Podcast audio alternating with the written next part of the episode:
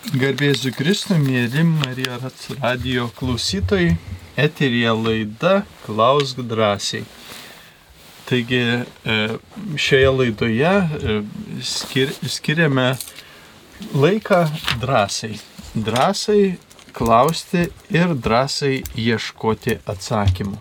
Su jumis kartu šiuo laiku yra kunigas Andrius Končius ir e, Paulius Čerka. Jis yra daktaras ir savo jos rytis yra um, biblinė teologija. Tai reiškia, kas susijęs su šventuoju raštu, jo paaiškinimais, klausimais. Tai e, taikyti galite į šios klausimus pirmutiniai. E, mano daugiau yra sritis, e, e, na, teologija vadinama pneumatologija arba visa, kas susiję su šventąją dvasia, šventąją dvasia charizminė tarnystė, bendruomeninių charizminių tarnavimų ir kitomis dovanomis. Tai mano tokia pagrindinė sritis, bet kaip kunigas truputį daugiau tos ir kaip patirties kažkur tai ir, ir iš bendro klausimai taip pat galime juos liesti. Taigi, mėlyjeji, e, pirmiausia, e, jau esančių klausimų yra prisiųsta pas jūs nemažai. Taigi, e, pirmasis klausimas, kuris pas mus yra atsiųstas, ar galima Romos katalikų bažnyčios katalikų kape laidoti, kuriame prieš 50 metus buvo palaidotas savižudis su Dievu toks praktinis klausimas. Galima laidoti, jeigu atvirai ir paprastai pasakant, nes ne, nepaisant mūsų visų, net ir šito baisiaus pasirinkimo, kuris, kuris pats, pats baisiausias pasirinkimas, kokį žmogus gali padaryti savo paties atžvilgiu, yra savo gyvybę nutraukti mes nežinome, ar žmogus yra pražuvęs ar ne, nes tai būna ir psichologinės arba dvasinės, reiškia priežastys, dėl kurios žmogus pasirenka tokį, tokį sprendimą, bet mes vis tiek bažnyčia melžiamės už tą žmogų, kuris, kuris to, tokiu būdu pasirinko iš, užbaigti savo gyvenimą ir, ir, ir tikim, kad Dievo galestingumas yra didesnis net už visas nuodėmes. Ir, ir įmanoma, kad žmogus turės amžinybę ir išganimą. Tad, tad ir nieko blogo tikrai neatsitiks tam kitam žmogui, kuris kartu kape palaidotas amžinybės atžvilgiu nenulems jokiais aspektais.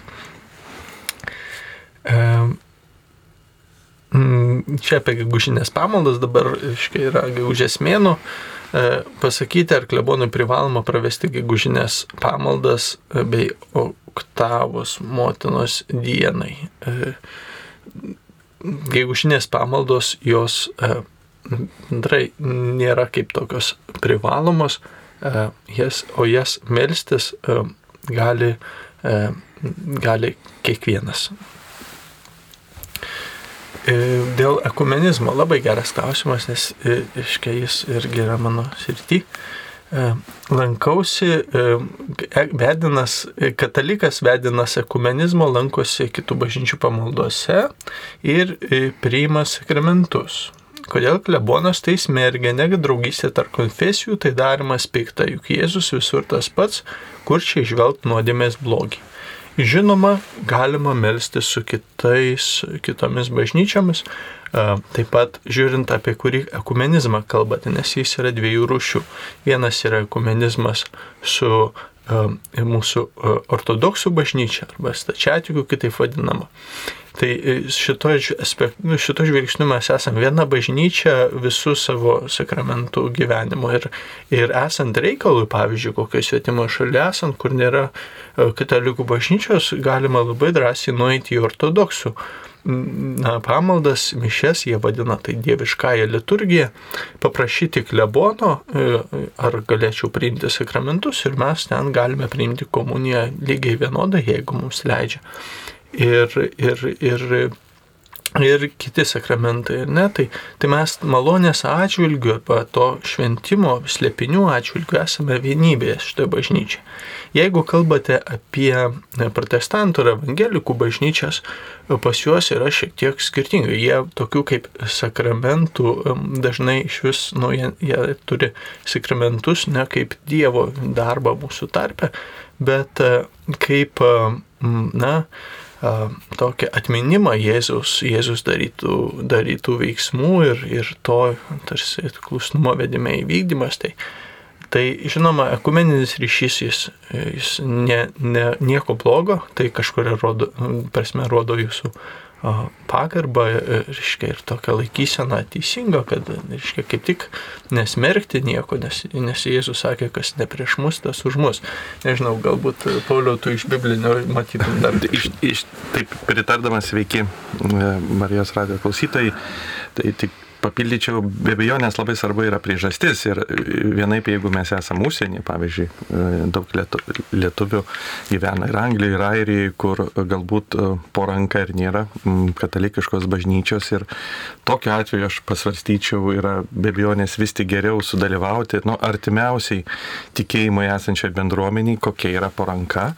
Na, o kai kaip ir e, kuningas minėjo, iš tikrųjų su ortodoksų bažnyčia yra tas sakramentų bendrumas, ko, ko nėra su protestantiškom bendruomenėm, bet svarbu nu, žiūrėti nuo situacijos. Vis tik Lietuvoje tokio vat, poreikio, kad negali patekti į katalikų bažnyčią nėra ir čia, sakykime, neturėtų būti dalyvavimas ekumeninėse susirinkime ar mal, maldose kaip priežastis e, apleisti Euristijos šventimą nu, savo parapiją ar bendruomenį, kurią lankotės. Taip e, neturėtų tas bus prieš pastatoma.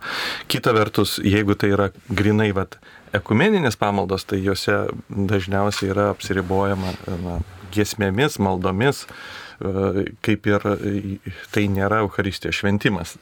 Na, toks bendras. Na, dėl to jos ir nevyksta dažnai tuo metu, kaip įprastai sekmadieniais vyksta na, bažnyčiose pamaldos ir neturėtų būti konflikto galima uh, sudalyvauti kažkokiam susirinkime, jeigu tai iš tikrųjų yra ekumeninis susirinkimas uh, kaip, kaip maldos ar, ar gesmės. Na, o į pamaldose dalyvavimas kaip ir na, sunku surasti tą priežastį, kodėl reikėtų praleisti mm, savo, savo bendruomenę ir, ir to, to tikslu, tai tik pasvarstyčiau taip. Mhm. Ačiū. E, klausimas iš mūsų pastavaus e, klausovo. Ar gali e, vienuolyje renkamos aukos parapijoje būti be klebono sutikimo? Tai jeigu tas aukas renka klebono bažnyčioje, tai žinoma, reiktų atsiklausti, e, reiktų gauti jo leidimo, bet šiaip vienuolyje e, savo aukas gali, būdama vienuolyje parapijoje, savo aukas kažkur gali priimti visai, kaip tik tais jie nori. Taigi, e, klausimas jau ilgesnis. Kaip man rasti savo krikštatėvius, jeigu bažnyčia, kurioje krikštijosi prieš 20 metų, buvo sudeginta prieš 10-15 metų, archivarų tarnyba neturi duomenų, kunigas irgi žinau tik krikštatėvių vardus pavardės. Ačiū Danielius. Bažnyčia, jeigu sudegusi ir sudegusi krikšt, sudegusios krikšto knygos kartu su bažnyčia, tada, na, manau, škia vienintelis būdas yra klaustis per žmonės, kurie jūsų artimuosius, nes čia jau iš bažnyčios pusės nieko nepadarysime.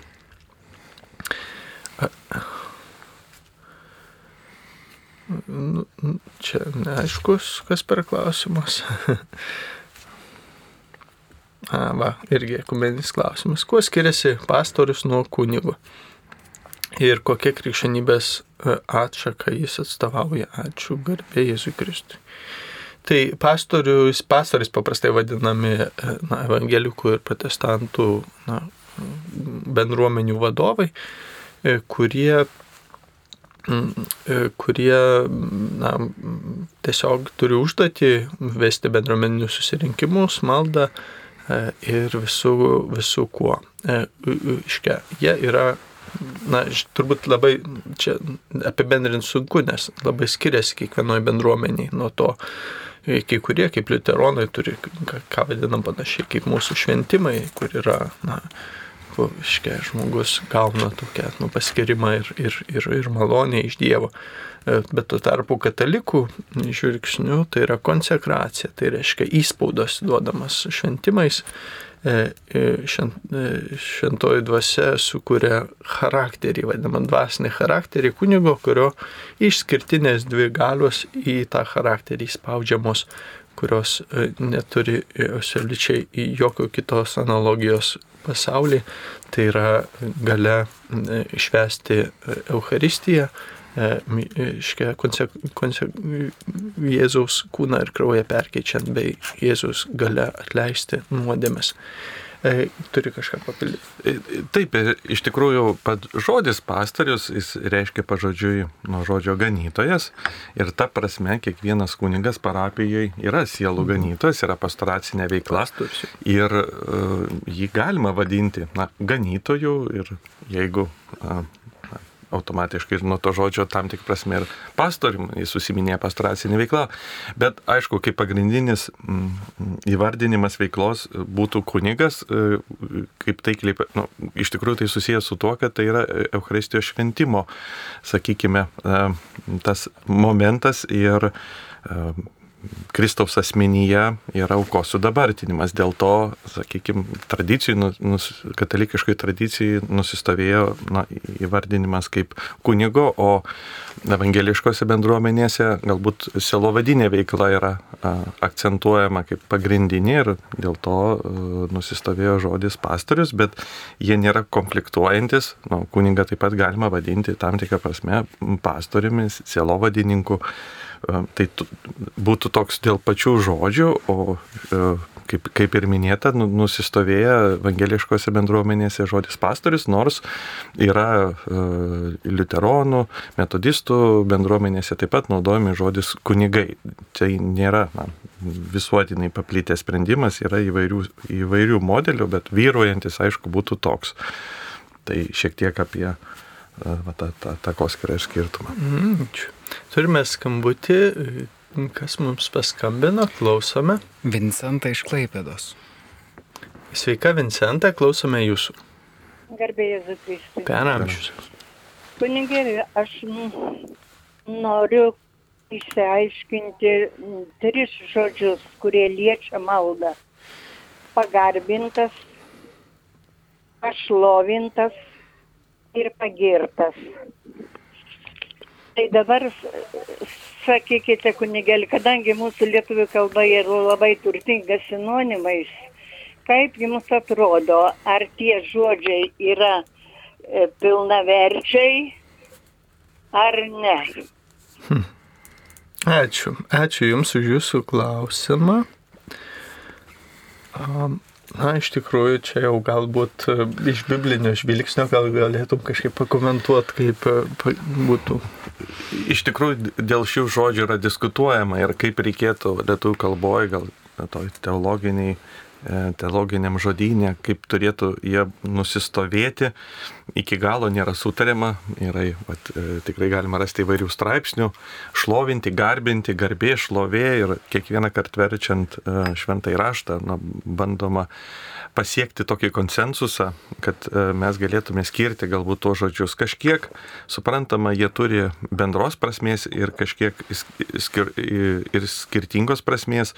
Tiesiog šiuo metu gal nepasaky, nepasakyčiau labiau tinka garbė ir šlovė, nes, kaip ir sakiau, nuomonė skiriasi, bet skirtumas yra tarp to, kad yra tam, tam tikras žodis tinkamas ir žmogaus veiksmams, sakykime, jo polygių vertinimui, na, pagirimui kažkuria prasme e, žmogiškam lygiui ir yra tik Dievui vienam skiriamas paprastai, nu, garbė būtų. Bet kartais e, iš tikrųjų kiti naudoja kitaip šlovė ir garbė. Tai šiuo atveju, sakydami juos abu, mes nu, padengiam visą spektrą, nors iš tikrųjų lietu, lietuvų kalboje būtų gerai pasiekti tam tikrą takoskirą tarp jų aiškesnė, kad e, visa visuomenė suprastų, sakykime, garbė ir šlovė šiek tiek atskiriant, bet taiklus klausimas, jie nėra te patus, visose kalbose jie yra du, bet mums šiek tiek sunku atskirti jų sudėti.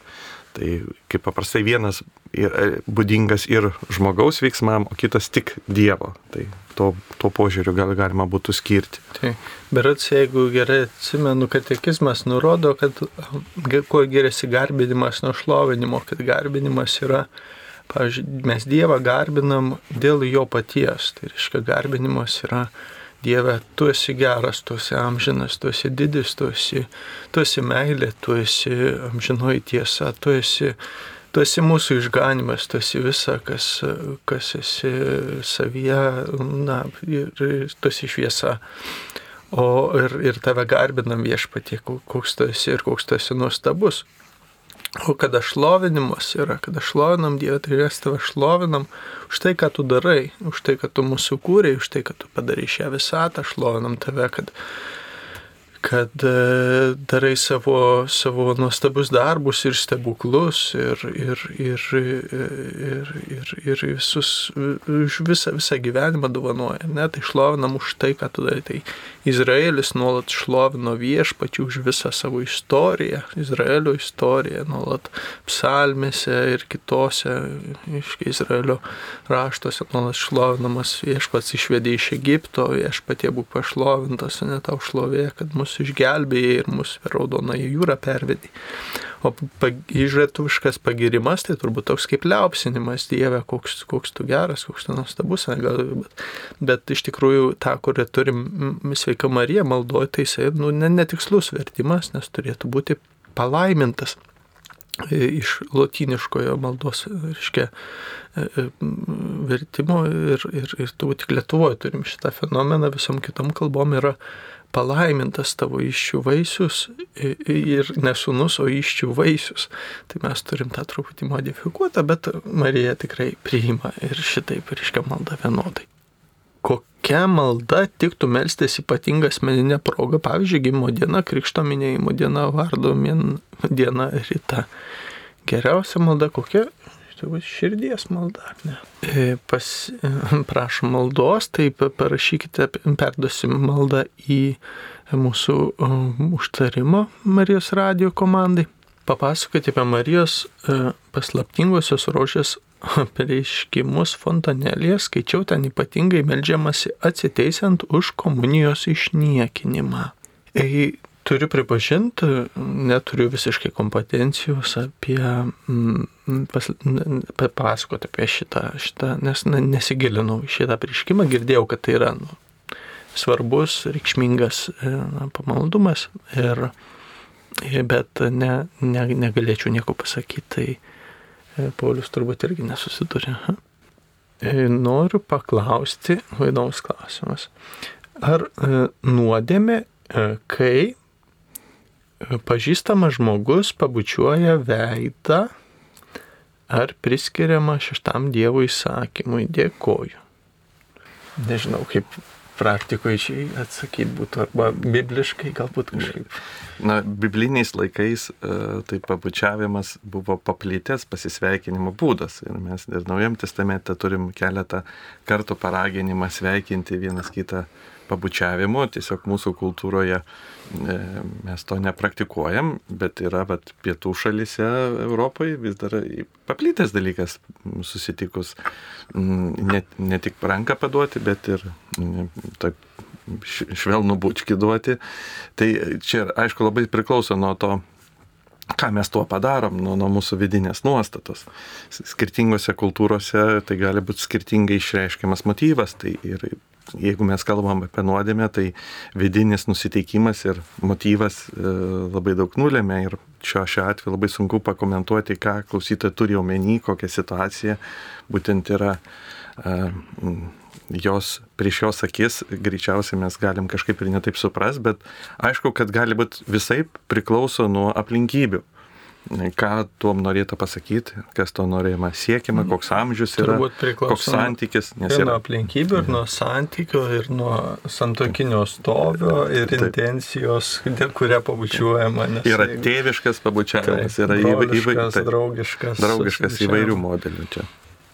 Turime skambutį. e, Kas mums paskambino, klausome. Dar kart Vincentą iš Klaipėdos norėjo dar išsakyti savo komentarą. Negirdi manęs. Klausom, klausom, Vincentą, ką norėjot papildyti? Ar aš galiu kalbėti? Kalbėkit. Kunigėlį, atsiprašau, bet mes nepabaigėm apie šitos du, apie tos tris žodžius. E, nu, aš pati esu pedagogas ir gan, gan lituanistas ir man tie žodžiai, pavyzdžiui, žodis sveikoje Marijoje, kai aš kalbu, neapsiverta širdį, nei liežuvis niekas. Tu pagirta tarp moterų. Aš giriu mokinius savo, kai gerai parašo, kai gerai išmoksta pamoką. Tai čia yra būtinis žodis. Tai O aš žodis taip pagarbintas ir lituanistiškai sutinkame su jumis. šventas sakralinis žodis. Taip lenkų kalboj, taip rusų kalboj. Taip, mes jau, mes jau, ačiū Jums už Jūsų klausimą, mes jau pakomentavome, kad yra, kad yra skirtinga lietuviškai šita, šita, na, turime šitą, galbūt kažkada bus priimta bažnyčia, kad, reiškia, reiktų visuotiškai perėti prie palaimintas, bet dabar turime šią, bet, e, na, taip, lituanistiškai ir kalbiškai galbūt ne visai atliepia, bet, bet girti, girti yra ne vien tik būtinis žodis, tai yra, tai yra kartu ir, ir na, na, galima sakyti, gali būti ir, nes rel- religinis, nes mes giriame Dievą, dabar aš pasakau Dievę, Dieve, koks tu geras, aš pagyriau Dievą. Dieve, koks tu geras, ne, ir pasakiau tą garsiai. Tai, e, tai lygiai taip pat, e, e, na, mes, nors šitoj maldoje sutinku, sutinku pilnai su jumis, kad yra etimologiškai ne, nepastikliausias. Na, iš tikrųjų, vat, čia šitas žodis yra paimtas iš Luko Evangelijos ir Elžbietos pasveikinimas, taip ir graikiškai yra eulogėjo. Tai būtent ir pažodžiui jis būtų pagirtas, būtent tai yra na, pranašesnis už visus, ta prasme, už kitus. Taip, šiuo atveju toks, nu, jį turbūt galima labiau suprantama versti į, nusis, nu, kur mums kultūriškai gal primtinesnis į palaimintas, nors tai vėl iškyla klausimų, ką ta žodis reiškia, nes jis irgi yra, na, teologinis, bet čia kaip ir pagirtas būtų irgi pažodinis vertimas, tik tai tiek, kad galbūt e, kalboje mes jau jo nebevartojam. Ta prasme, kaip jūs sakot, mokinys jūs girėt, tai atsiranda labai jo subuitinimas. Tai galima apsvarstyti, ar šiandien jis jau skamba mums taip, kaip skambėjo tada, kai buvo lietuvinama e, Sveika Marijos malda. E, Kalba šiek tiek kinta, laikui bėgant jau mums tie žodžiai turi šiek tiek kitą atspalvį ir pat jūs tą ir pailiustravot. Bet e, grinai pažodžiui verčiant, nu, jis būtų e, būtent iš to na, girimo kilęs. Mhm. E, Kitas klausimas apie na, viso gyvenimo išpažinti ir kurioje žmogus rašo, kuris na, buvo kitose praktikose, na, nekrikščioniškose ir, ir, ir sako, jog kaip katekizmo komentaras Valkauskas teigia, kad kad iš pažinties, kad tais atvejais, jeigu yra įsitraukta į kitas praktikas, kaip kokias, pavyzdžiui, turbūt nežinau, kas čia turi minti, galbūt okultika, ezoterika, ten vėl kokie būrimai, ten, nežinau, ateities spėjimas, iš būrį, dar kažkokie tai. Tai jie, aišku, gali, gali būti, pa, gali pavergti tave, gali ne, bet priklauso nuo to, nu kiek žmogus, žinai, jeigu ten tik kažkas pažaidė ar kažką, tai gali atsirasti įtakos, bet ne, nebūtinai. Bet jeigu žmogus rimtai įlenda į tos dalykus, tai paprastai būna jo. Paprastai iš, šiaip išpažinties pilnai užtenka, ta prasme, kad išpažintis yra pats didžiausias egzorcizmas. Nuo širdį atgaila, iškai yra visiškai, iš tikrai atveria kelią visiškai laisvę nuo nuodėmės ir, ir nuo blogio. Jos pilnai pakanka, bet e, kai kuriais atvejais jos ne tai, kad neužtenka, bet e, e, žmogus nepajėgia, nepajėgia iki galo ir atvirai, nu, aiškiai išpažinti ir aiškiai tiesiog jam reikia tada užtarimo, jam tada reikia egzorcistų pagalbos ir ką nors. Ir konkrečiai esu matęs atveju, kada žmogus net, nu, reikia prieiti iš pažinties, jisai alpsta krenta, nepajėgia, reiškia tiesiog, ne, ir jam tada reikia pagalbos. Gerbėzui Kristui, ką reiškia, kad Jėzus tris kartus Petro klausia, ar myli mane? Ačiū Dievo palaimos. Žinau, bibliškai labai įdomu. Yra. Taip, čia iš tikrųjų Jono Evangelijos paskutiniam skyriuje mes sutinkam tą sceną su prisikėlusi Jėzumi ir Petru. Ir Jėzus Petro, kuris tuo metu nusprendžia žvejoti, kažkuria prasme liktai pasitraukė nuo savo tarnystės, paklausė tris kartus, ar tu myli mane ir mes randam, kad trečią kartą klausiant Petras nuliūsta. Ir na, panašu, kad na, biblistai sutarė, kad trijų kartų klausimas yra nuoroda į Petro e, trigubą įsižadėjimą. Kadangi Petras įsigynė tris kartus, tai ir Jėzus jį klausė tris kartus, ar myli ir kiekvieną kartą jis Petrui paveda ganytojo mm, ganytojo rolę, ganytojo pašaukimą, tuo būdu jį pilnai atstatydamas ir jo bendruomenės akise. Tai girdi ne tik vienas Petras, bet ir kitie paštalai, Petro draugai. Ir jų akise Jėzus atstato Petrą į jo pašauktą tarnystę. Taip galėtume sakyti, tai va, tas trigubas klausimas yra trigubas Jėzaus atleidimas ir Petro, suklupusio Petro pakelimas. Taip, ir tas trečias klausimas nuliūdimo yra labai e, įdomus, e, tas iš, iš, iš biblinio Mm, e, reiškia. Panaudotas kitas žodis. Kitas žodis panaudotas jo. Nes mes, kai lietuviškai kalbam, mes myli, myli, myli, nemyli, turim vieną žodį. Graikai, graikų kalboje, kurioje parašytas Naujasis testamentas, turi bent šešias reiškia, reikšmės, kuriuom, reiškia, myliu, pasakai, ir visiškai kitoks kontekstas kaip draugiškumo meilė, broliška, tėviška meilė, arba, arba agapiška meilė, arba erotinė meilė. Ne, kiekvienas e, na, žodis išreiškia skirtingą meilės rūšį. Ir kai e, Jėzus paklausė Simoną e, pirmą kartą, tai jis paklausė žodžiu, ar myli mane. Agapėjo.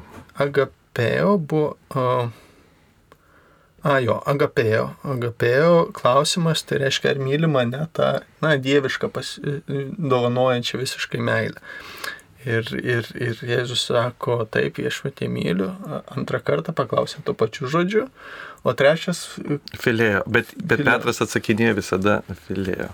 Reiškia, čia, pe, nors jo klausė vienu, jis atsako kitu. A, jis atsako čia, kitų žodžių. Kad, tai. ar mėly mane dievišką meilę, ne tik tais, žinai, brolišką meilę, dabar asmenų atliepo meilę.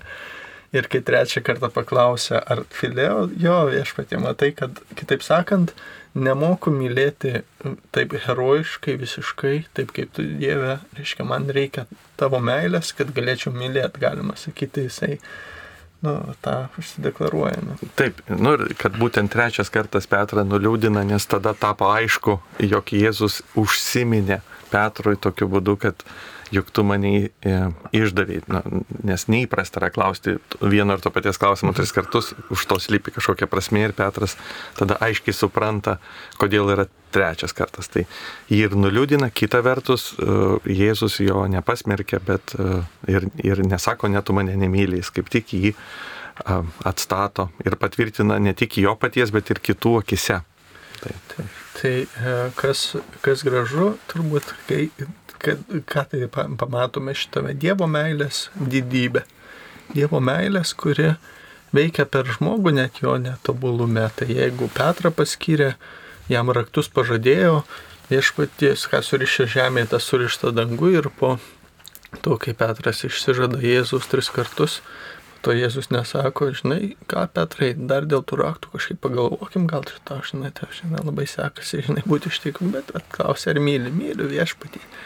Tai gera viešpatie, kad tu mus e, visada myli ir, ir leidė mums e, atsikelti iš mūsų nusigrėžimų, išdavyšių tavo. Turime skambutį.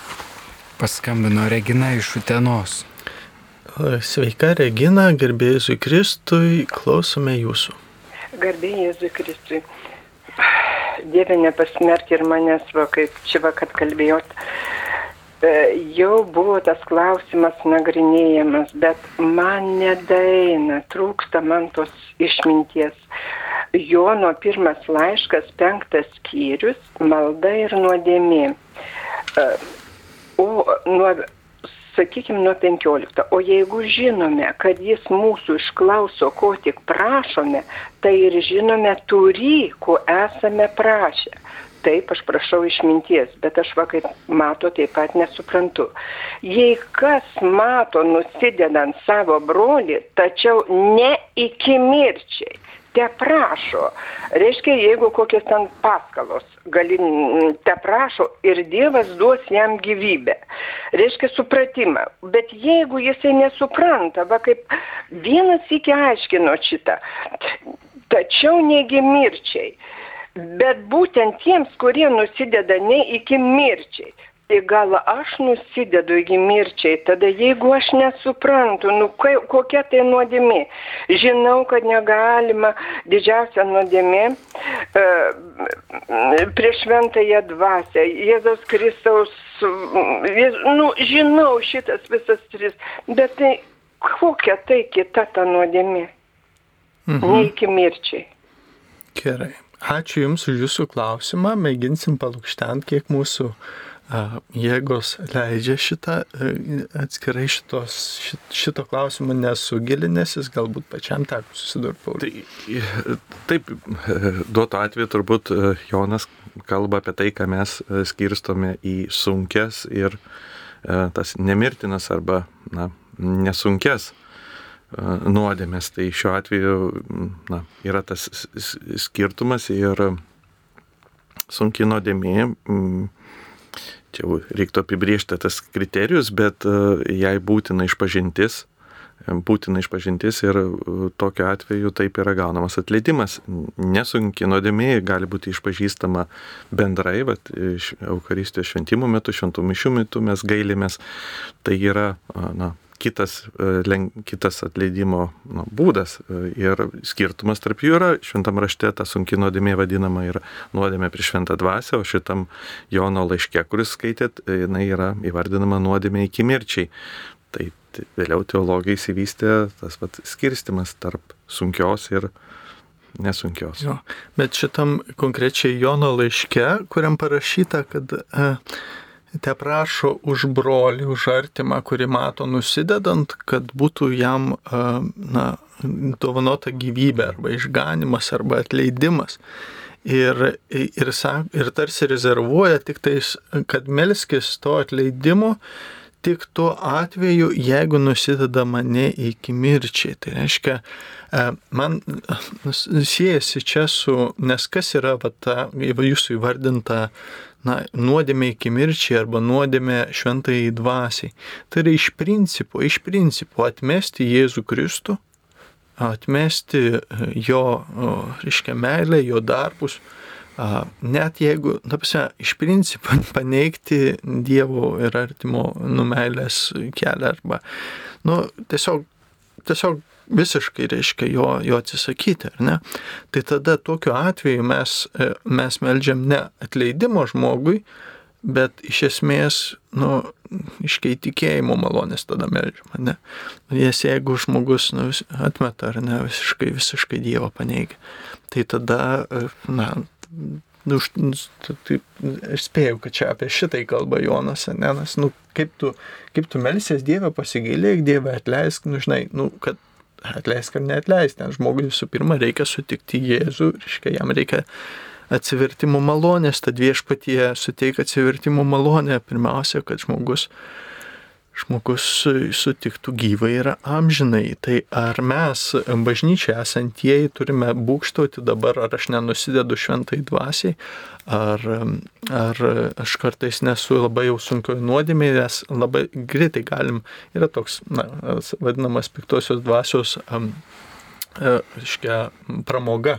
Piktoji dvasia užsiema tokia pramoga, kada mus, iškia, skrupulais vadina, iškia, jinai mus erzina visai, kaip, kad tu jau toks blogas, toks baisus, nes, reiškia, jau, jau ten mėso suvalgy penktadienį, žinai, ar dar kokį nors baisiausią nusikaltimą padaryti, pa, pa, paironizuojant, ar ne, kad, kad iš tikrųjų, nu, kad tikrai tą nedorybę didelę pasirinktum, tai reikia nu, pasistengti, blogąją prasme.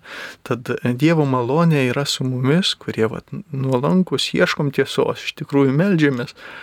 Ir daugybė tų mūsų na, mažų suklydimų, tokių kasdienių ir panašiai, na, jie ne, nenulėmė mūsų, mūsų kažkaip pražučiai, ne, nors jos mes išpažįstam, atsiprašome Dievą ir tai yra svarbu, tai yra svarbu, nes, na, ir iš, iš mažų dalykų taip pat susideda visas gyvenimo kelias. Tai, tai va, tai galim, galite turėti ramybę, kad iš tikrųjų, jeigu jau vat, keliate šitą klausimą ir, ir vat, taip jį atneša, tai, tai tikriausiai jūs, jūs nenusidedat iki mirčiai. Jėzus Kristus, dėl ko Jėzus Kristus nusivilko drabužį prieš mazguojant mokinių kojas. Ir rei, kaip reikia suprasti, Jono 13.8, neturėsi dalies su manimi, jeigu nenumasgosiu, te laiminu jūs viešpats. Įvairių, aišku, yra aiškinimų, bet m, turbūt tai susišaukia su ir Jono paštalo Jono vieną iš temų savo Evangelijoje jisai vysto, kad Jėzus Kristus yra Evangelijoje parodytas kaip auka, kaip vyriausias kuningas ir kaip šventikla. Ir šiuo atveju ta scena, kuomet Jėzus plauna kojas, yra susišaukianti su Moze ir Aronu, kuomet Moze įvilgdino Aroną vyriausiųjų kunigų, į kunigystės tarnavimas lygiai taip pat jį apiplovė ir aprengė. Tai šitoj scenoj irgi naudojamas yra tas terminas dalis, kunigai, kunigų dalis yra viešpatyje, tai va tų žodžių ir pačio vaizdinio atitikmuo mums nurodo į sceną iš su Mozė ir Aronu išėjimo knygoje.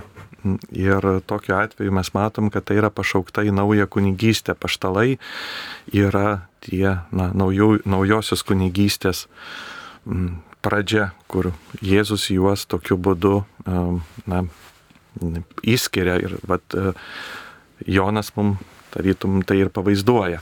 Tai čia būtų vienas iš galimų paaiškinimų biblistinis vaizdinių susišaukimas su Senuoju ir Naujoju testamentu. Jo, tai jo, dar turime visą istorinį Izraelį, Izraelio ir visą kitą apjūvį. Tai turbūt na, tas nusivalkimas drabužių vėl ten turėjo visą kontekstą to laikmečio papročių ir, ir, ir įprastų, kaip mes elgiamės prie stalo, nes jeigu tada, pavyzdžiui, na, kaip dabar valgom atsisėdę su šakutė, su peiliu, reiškia, prie stalo, visiškai kitaip, kitokie buvo įprasti, reiškia, na, elgesio būdai tenais. Tai, čia tik pildant, iš tikrųjų, tas kojų plovimas, mes šiandien nesiplaunam kojų, tiesiog turim apavus ir mūsų keliai nėra dulkėti, mums tokio poreikio ne, nebėra, bet tuo metu, na, didesniuose namuose, prabangesniuose būdavo visada galimybė nusiplauti kojas, o kai kada netgi ir tarnai, kurie na, padėdavo tai atlikti. Tai šiuo atveju Jėzus aiškiai atlieka tarno funkciją, parodydamas savo mokiniams, nu, kad jis atėjo tarnauti. Tai iš principo tai atitinka ir tą biblinį Mozės ir Orono vaizdą, kita vertus tai atitinka ir to meto kultūroje esančio patarnaujančio, paprastai tas žemesnis nu, namų tarnas. Tai. Netgi ir vergas kai kada padėdavo tas kojas nuplauti ir Jėzus to veiksmu, na, parodo pavyzdį ir vėliau jis pasako, kad argi supratote, ką aš jums padariau ir jūs tai privalote daryti. Tai šiuo atveju jis parodo tarnystės pavyzdį. Taip, nes ir šurpulinga, kai suvoki, kad pats Dievo sūnus, pats Dievas, netrejybei, pasilenkęs plauna kojas ir tada nu, tikrai širpulinga.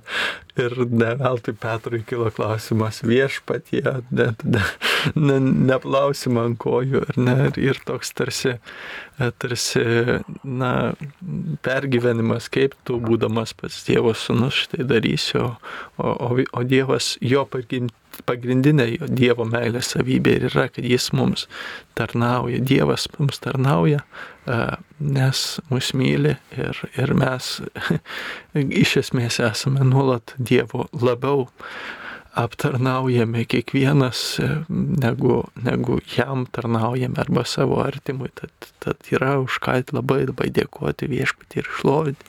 Turime skambutį dar vieną. Aldona iš Kauno paskambino. Mėla Aldona, sveika, klausome jūsų. Garbą Jėzų Kristų kunigėlė. Per amžius. Aš noriu duoti jums tokią, man dažnai toks mintis kyva.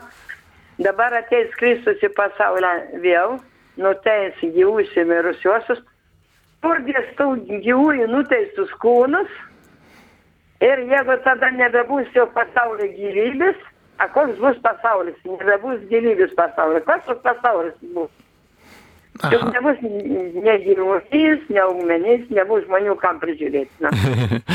Ačiū už Jūsų klausimą, Aldona.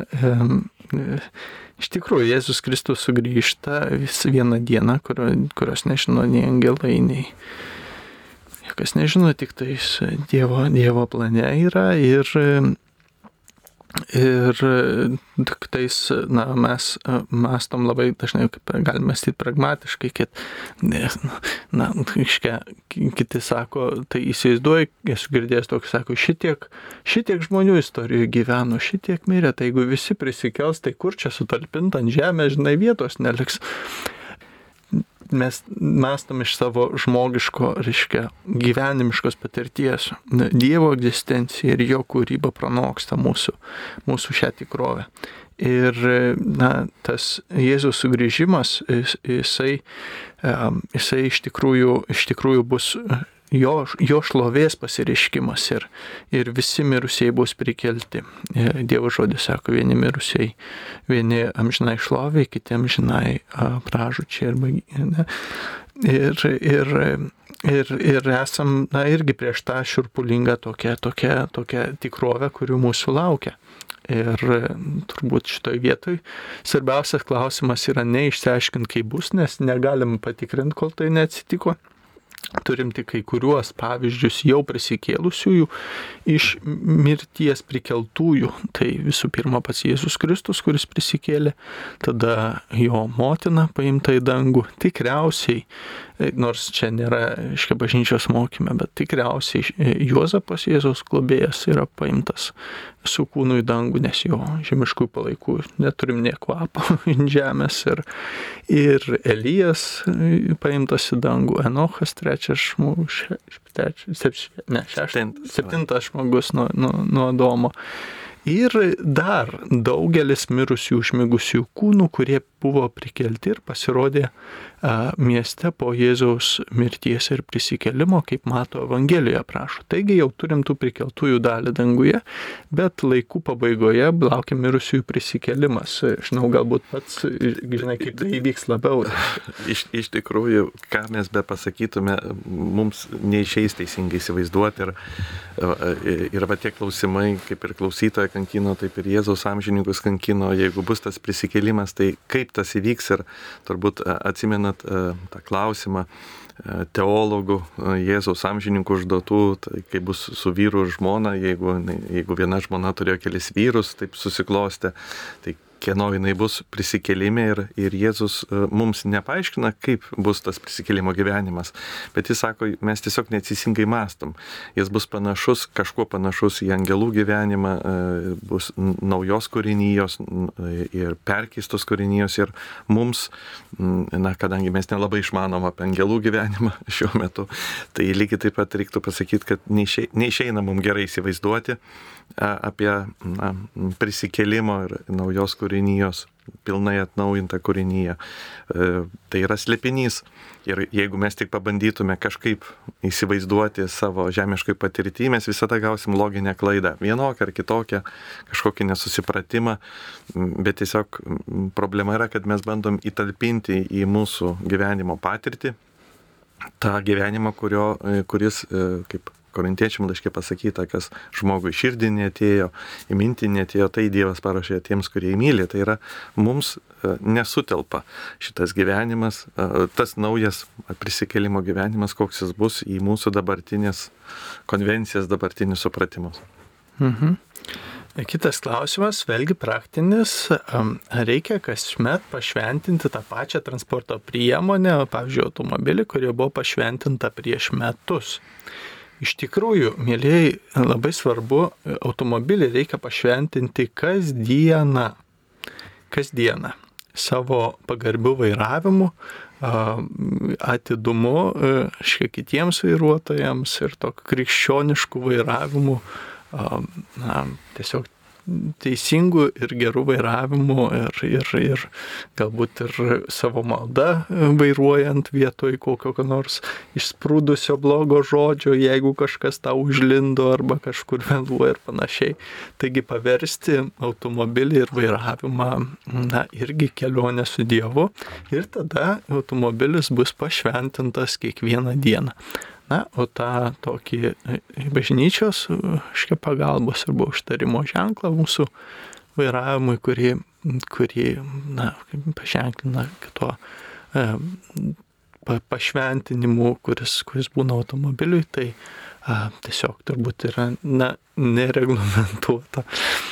A, Biblijoje minima, kad žmogus gyveno keli šimtus metų, o dabar gyvena tik iki šimto, nu kartais ir virš šimto truputį, ne, bet jo, tas dienų ribotumas yra, o iš tikrųjų pradžios knygoje ten ir, ir kiek ten ir 600 Taip, arti tūkstančio. arti tūkstančio metų išgyvendavo, nežinau ar čia laimė ar nelaimė žmogui būdavo, bet, bet kaip, va, bet iš I, i, iki galo mes tikrai negalim tiksliai pasakyti, ką tai reiškia, bet uh, Pavyzdžiui, sutikę na, Abromo atveju mes matome, kad tarytum jo, jo laikotarpį bent jo tėvas gyveno jau keli šimtus metų, bet pats Abromas savo maldoje sako viešpatė, kai jam yra jau a, netoli šimtai, sako, argi tokiam senam gali kažkas gimti.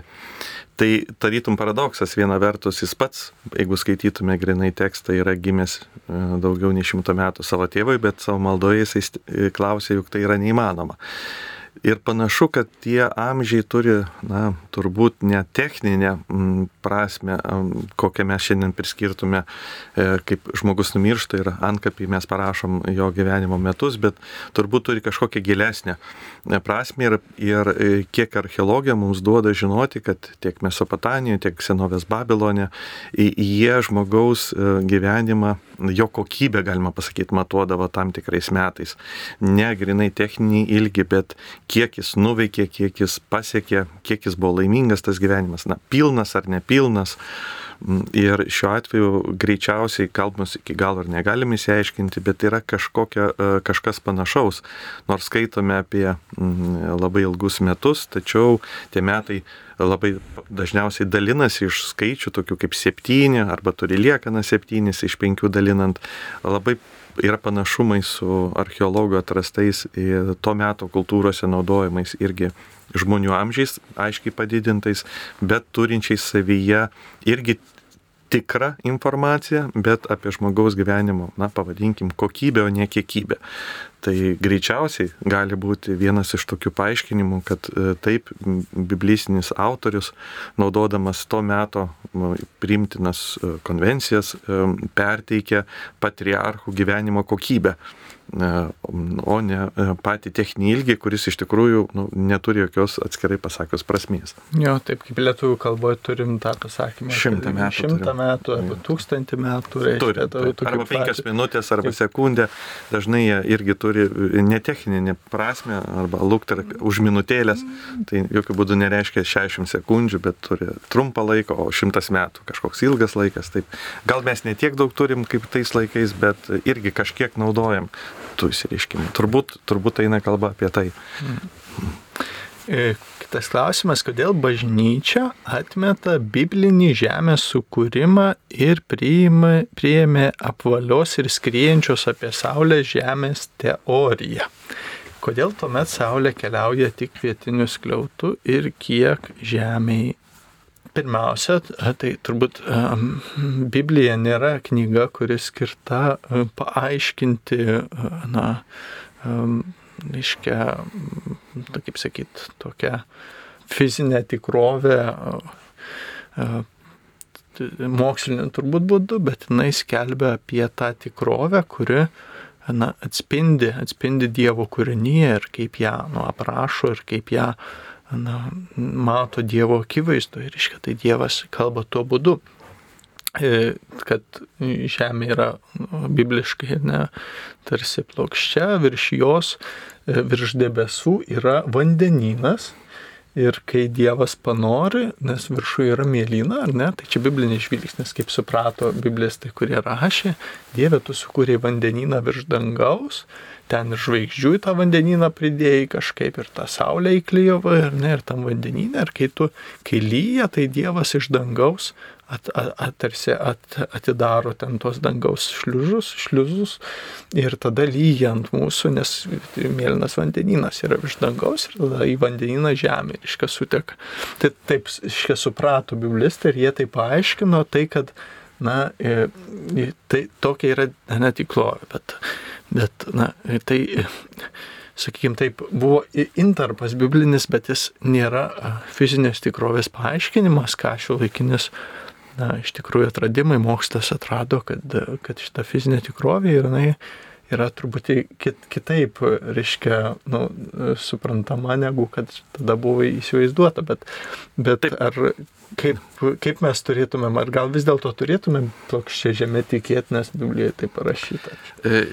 Va čia kaip klausėjas klausė, ar bažnyčia atmeta biblinį e, žemės sukūrimą, tai kaip tik netmeta, jinai tinkamai paaiškina, nes problema yra, kad uh, grinai toks techninis skaitimas pradžios knygos jis visiškai nereiškia, kad tai yra biblinis skaitimas. Tai greičiausiai yra ne visai supratimas, kokiu žanru yra parašyta pradžios knyga ir jeigu mes ją na, neįvertinę žanro skaitome kaip mokslinį vadovėlį, tai suprantama, bažnyčia atmeta tokį skaitimą, bet jinai tikrai neatmeta švento rašto minties.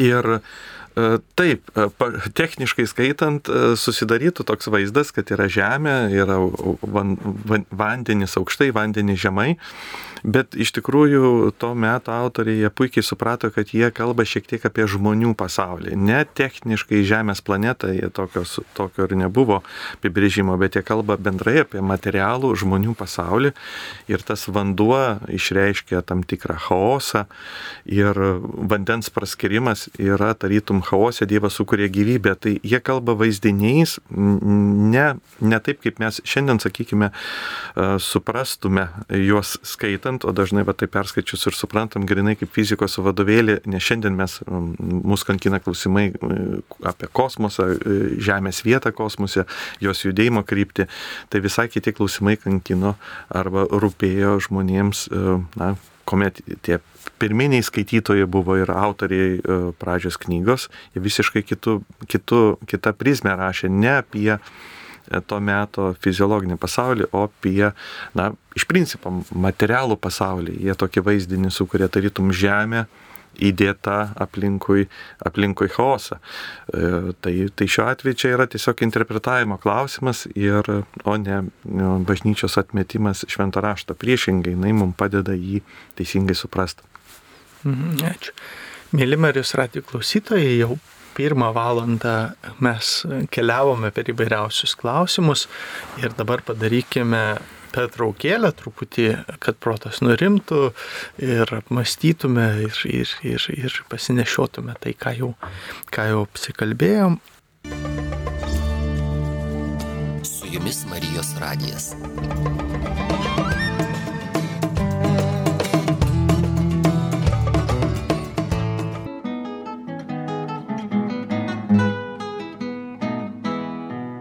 Gegužės mėnuo ypatingai pagerbė švenčiausiąją mergelę Mariją. Marijos radijas kartu su jumis žvelgia į švenčiausiąją mergelę, vedančią link Kristaus. Ir jūsų visų savanorystės, maldos ir aukos dėka gyvuoja skleisdamas Dievo žodį. Susitikime su Marijos radijos savanoriais.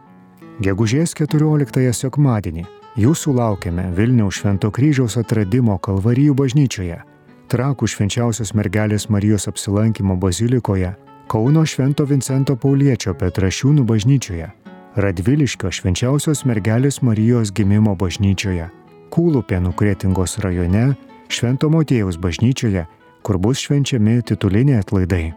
Atvykite susitikti su Marijos radijos savanoriais ir gegužės 15 pirmadienį Pivašiūnų švenčiausios mergelės Marijos ėmimo į dangų bažnyčioje, kur vyks Kaišėdorių viskupijos Alitaus dekanato gyvojo rožinio šventė.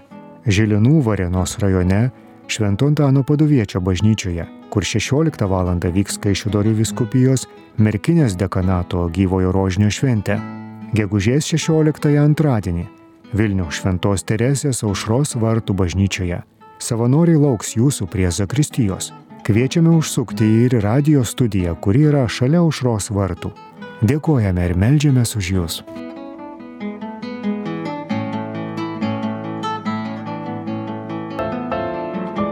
Brangus Marijos radio klausytojai, trečiąjį gegužės savaitgalį švesime Marijatoną - karštų širdžių ir dosnių rankų šventę. Jos metu rinksime aukas Ukrainos Marijos radijui paremti. Šiai šaliai dabar ypač reikia vilties ir paguodos žodžio, todėl pakvieskime vieni kitus dalintis gerumu.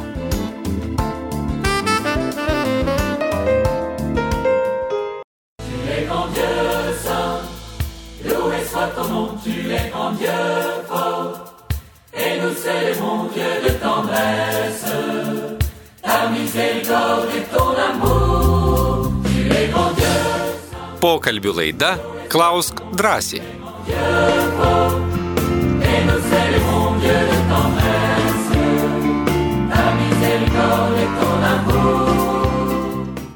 Garbėsiu Kristui, mėly Marijos radio klausytojai, eterija laida e, Klausk drąsiai. Taigi mes šiuo laiku e, keliame visus mums rūpimus klausimus ir juos lūkštename e, kartu ieškodami na, tų atsakymų. E, e, šioje laidoje kartu e, šių atsakymų ieškome dviese. Paulius Čerka, jis yra buvęs e, na, ir esantis teisi, teisininkas, daktaras ir e, kartu gilinantis į teo- teologijos studijas ir, ir ypatingai Biblijos, visą, kas susijęs su šventųjų raštu. Ir aš, kunigas Andrius Končius, daugiau dvasingumo ir šventosios dvasios e, dovanų ir veikimo na, na, to srity įlindęs. Čia yra prašančių užtarimo. E, Vienas klausimas yra, ar, ar žinomas mėnuo ir diena, kada vyko Marijos apsiriškimas Šiluvoj. Mes um, nerad, ne, nesame susidūrę, nesame nu, radę tokių šaltinių, galimai ta diena buvo neužfiksuota istoriniuose šaltiniuose, um, bet čia reiktų tik- tikriausiai galbūt pa- paklausti kažkokių istorikų, kurie šitame gilinosi, mes, mes ne- nesusidūrėm su šito klausimu, mums yra skambutis, klausome. Paskambino Aldona iš Vilniaus. Mėla Aldona, e, gera, kad skambinate, Gir- girdime jūs ir klausom. Aš norėjau paklausti. Mano labai artimas žmogus yra pasikrikštijęs tikėjimo žodžio bendruomeniai. Bet dabar nebe, nebesilanko nei toj bendruomeniai, nei, nei katalikų bažnyčiai. Ar gali toksai būti krikšto tėvų katalikų šeimos vaikui? Mhm. Ačiū. Um, na, toks turbūt dvipusis yra klausimas. Pirmas yra um, na, to žmogaus, sakykim, tikėjimo laikysena, kuri e, žmogui em, na, svarbiausia, svarbiausia yra tikėjimas Jėzum. Ir Yra na, tokia ironiška tokia si- situacija truputį Lietuvoje su šito klausimu katalikų tarpe, kadangi statistiškai Lietuvoje esame 80 procentų kažkur katalikai, e, bet e, pagal apklausas e, škia katalikų pusė iš jų e, tiki, kad Jėzus egzistavo kaip toks istorinis asmuo. Ne? Tai, e, tai reiškia, kita pusė neaišku, e, ko, ko, ko, kokią nuomonę turi apie Jėzų. Tai, tai, tai na, sakykim, ironiška situacija, kodėl, nes būdamas pakrikštytas, tu esi įjungtas į jį, į Jėzus Kristaus istoriją, iškai jo gyvenimą čia žemėje, jo diev, dievišką išganimo planą ir vienybę su bažnyčia.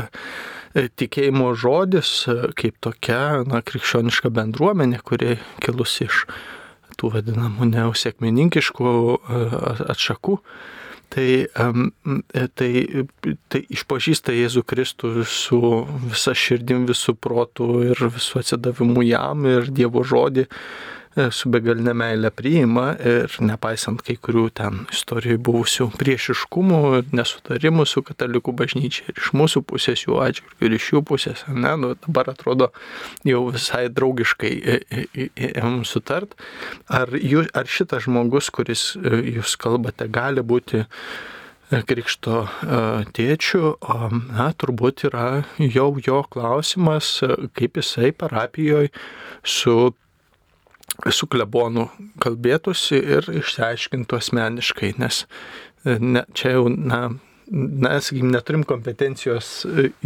tiesiogiai su juo dabar pasikalbėti ir išsiaiškinti, koks yra jo žvilgsnis, galbūt ir jums, ir mums dar iki galo nėra aišku.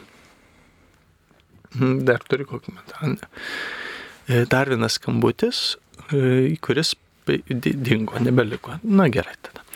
Kitas klausimas - šventosios dvasios dovanas liečia, tai yra kaip jas gauti klausimas, kaip, kam Dievas jas dovanoja, kaip surasti, kurias jau turi. Prašau supratimo. Iš tikrųjų, pirma, šventosios dvasios dovanos na, kad jas, na, klausimas, kaip gauti. Tai um, turbūt na, mes galbūt labai norim taip recepto tokio, reiškia pasakymo, ką daryti, ar ne, jeigu tau, pavyzdžiui, reikia kokios nors, uh, nežinau, uh, ten sodo, sodo reikmenų, tu eini į kokią parduotuvę, kur tam specializuota ir tu žinai, kur jas rasti. Kurioje vietoje dabar rasti šventosios dvasios dovanas. Tai pirmiausia, e, kad jas, na, kad jas gauti, visų pirma, reikia atpažinti, kurias jau turime. Ir tas yra pirminis svarbiausias na, užduotis. Ir šventosios dvasios dovanos yra dviejopos. Vienos yra vadinamosios pašvenčiamosios. Tai yra tos, kurios mus padaro Dievo draugais. Malonė. Tai yra svarbiausia šventosios dvasios veikimo mumise vaisius vienybė, šventoji dvasia mumise kuria vienybę su Jėzumi, vienybę su bažnyčia, e, vienybę su Jėzaus žodžiu, mūsų širdise apreiškiamu. Ta vienybė yra pats svarbiausia ir pati šventoji dvasia, kuri mums duota kaip gyvenimo vedlė. Ir tos dovanos mus pašventinančios, į kurias e, viešpats mums byloja arba veikia intelektą su supratimo dovana, su išminties dovana, su pažinimo ir patarimo dovanom į mūsų valią, išlėdamas maldingumą paskatindamas ir į mūsų valią sielos valios galę ir, ir tvirtumą suteikdamas ir Dievo baimės dovana mūsų troškimams, juos e, paskatindama trokšti to, kas gera ir vengti to, kas nedora. Taigi tos dovanos, tokios septynios, kurios mus pašventina, o kitos yra vadinamosios charizmos arba, na, asmeninės dovanos tarnystėj. Tai yra tuo, kad Dieve mane sukūrė. Suprantu, kad aš šito žemės esu nu, ne kaip toks atsitiktinis e, atsiradęs žmogus, bet turiu misiją, turiu kažkas užduotis. Ir Dievas mus šaukdamas į tarnystę, į savo, į savo gyvenimo na, tokį misionieriais buvimą dėl, dėl kitų, dėl, dėl, dėl viso, na, kuo, esame, atpažįstame, kad esame kviečiami, jis duoda mums dovanas. Ir tai gali būti labai, labai elementarius dovanos. Šventasis raštas įvardyja ir, ir pagalbos teikimas, ir gailestingumo darbai, ir vadovavimas, ir mo, mokymas, ir kitas dovanas, tokia, sakykime, mūsų įprastas, bet to, jos veikia irgi žmogus gauna tokį kaip paskatą, kaip dovana kad tuo būdu jisai, na, būna kitiems, ar ne, ir patarnauja, pagelbėja, galbūt tai tampa ir jo darbu, ir jo na, profesija, kurioje jisai, jisai tampa ekspertu arba kokiu gydytoju, arba dar, ne, tai yra, skim, darbo ir profesinis kelias, kuriuo taip pat esame pašaukti būti vienas kitam. Ir, ir, ir, ir, ir šalia to, kad šito aspektu, na, nėra, nėra kažkokio skilimo tarp mūsų gyvenimo Dievo dovanų ir, die, ir, ir kažkokių tai dar kitų dovanų. Tačiau yra tam tikros charizmos arba dovanos, kurias galime atpažinti ir leisti į apyvartą, kurios vadinamos ypatingosiomis, pavyzdžiui, gydimo dovana, dvasio atpažinimo dovana, pranašavimo charizma arba ten kokios dar yra šitas kalbų aiškinimas, na, kurios biblinės, ne, ir, ir, ir, ir dar kitos gali būti charizmos, kurias žmogus tarnauja ir jos e, neveikia automatiškai, jos, jos veikia žmogui atpažįstant ir renkantis. Ir šito, na, šito atpažinimo padeda du, trys dalykai iš tikrųjų. E, viena yra e, pirmiausia Dievo žodis, kad tos charizmos jos remiuosi ne į save, ne savo autoritetu, bet e, tik Jėzus yra tas, kuris, kuris toje tarnystėje veikia ir aš turiu remtis Dievo žodžiu. Antra, turiu turėti bendruomenę, nuolankumą ir klusnumą. Tiek bažnyčios e, vadovybei, na vadovybei tai ne pagarba viskupams, kunigams, bet e, kartu ir viskupai ir kunigai gali irgi nesuprasti arba net būti priešiški kažkuriom charizmom, ne, tai nebūtinai, kad jeigu jų nuomonė, kad čia ne, nereikia šito, tai kad jūs nesat pašaukta, ne, bet va tą, kad turėt pagarbą vyresniesiam ir turėt bendruomenę, kurioje na, aš galėčiau leisti į apyvartą kartu su kitais broliais seserimis tas dovanas, kurias atpažįstu savy turintis. Taigi šitas ir trečias yra, kad malda arba, arba gyvenimo na, stilius, kuriuo gyvenu ryšė su Dievu. Taigi malda, Dievo žodžiu, atsirimas į Dievo žodį ir bendruomeninis atsidavimas. Trys būdai, kuriais tos charizmas galime atpažinti ir vis labiau jomis tarnauti kitiems daugiau klausimų, turim skambutį, jau kuris laikas kabo, tai klausau jūsų, kas mums paskambino? Antanas iš Kauno paskambino. Sveiki, Antanai. Sveiki, gyvi. Klausom jūsų. Šitą jo popiežius Jonas Paulius II prieš 20 metų apie maldos krizę rašė. Būtent neteisingo suprasto Marijos tarpininkavimo bažnyčiai įverdinant į liturgiją labai yra sumenkęs jūsų kunigų per Marijos radiją populiarinimas, būtent malda, malda apie šventą kalbant rožinį. Rosarim Virginija Marija. Visos problemos pirmiausia kyla iš čia.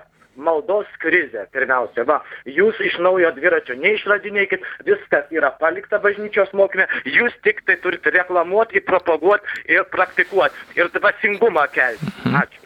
Ačiū Jums, ačiū Jums, Jūs e, labai, labai teisingai pasakėt, labai teisingai. Tiesiog labai, labai teisingai.